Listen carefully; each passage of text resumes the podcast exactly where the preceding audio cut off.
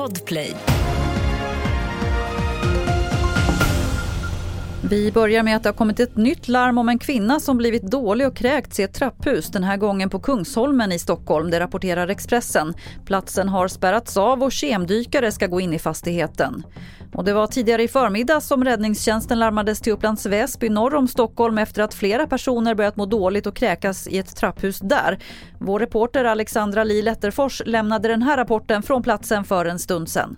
Man vet ännu inte hur snabbt det kan gå att eh, få svar men man jobbar aktivt här nu från räddningstjänstens håll för att försöka hitta vad det kan vara för ämne som har utlöst det här att fyra personer börjat kräkas plötsligt och, och blivit sjuka av någonting som, som är i trapphuset. Och de här lägenheterna är bakom mig, folk är ju nu inhysta i dem, de får inte lämna sina lägenheter och ingen får heller komma in i trapphuset så länge mätningarna pågår.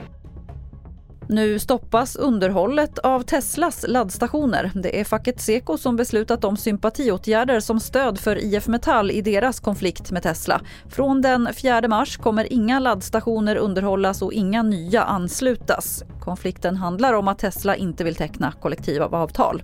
Fler nyheter finns på tv4.se. Jag heter Lotta Wall.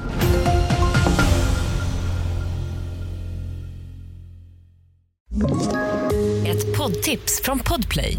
I fallen jag aldrig glömmer djupdyker Hasse Aro i arbetet bakom några av Sveriges mest uppseendeväckande brottsutredningar. Går vi in med hemlig telefonavlyssning och, och då upplever vi att vi får en total förändring av hans beteende. Vad är det som händer nu? Vem är det som läcker?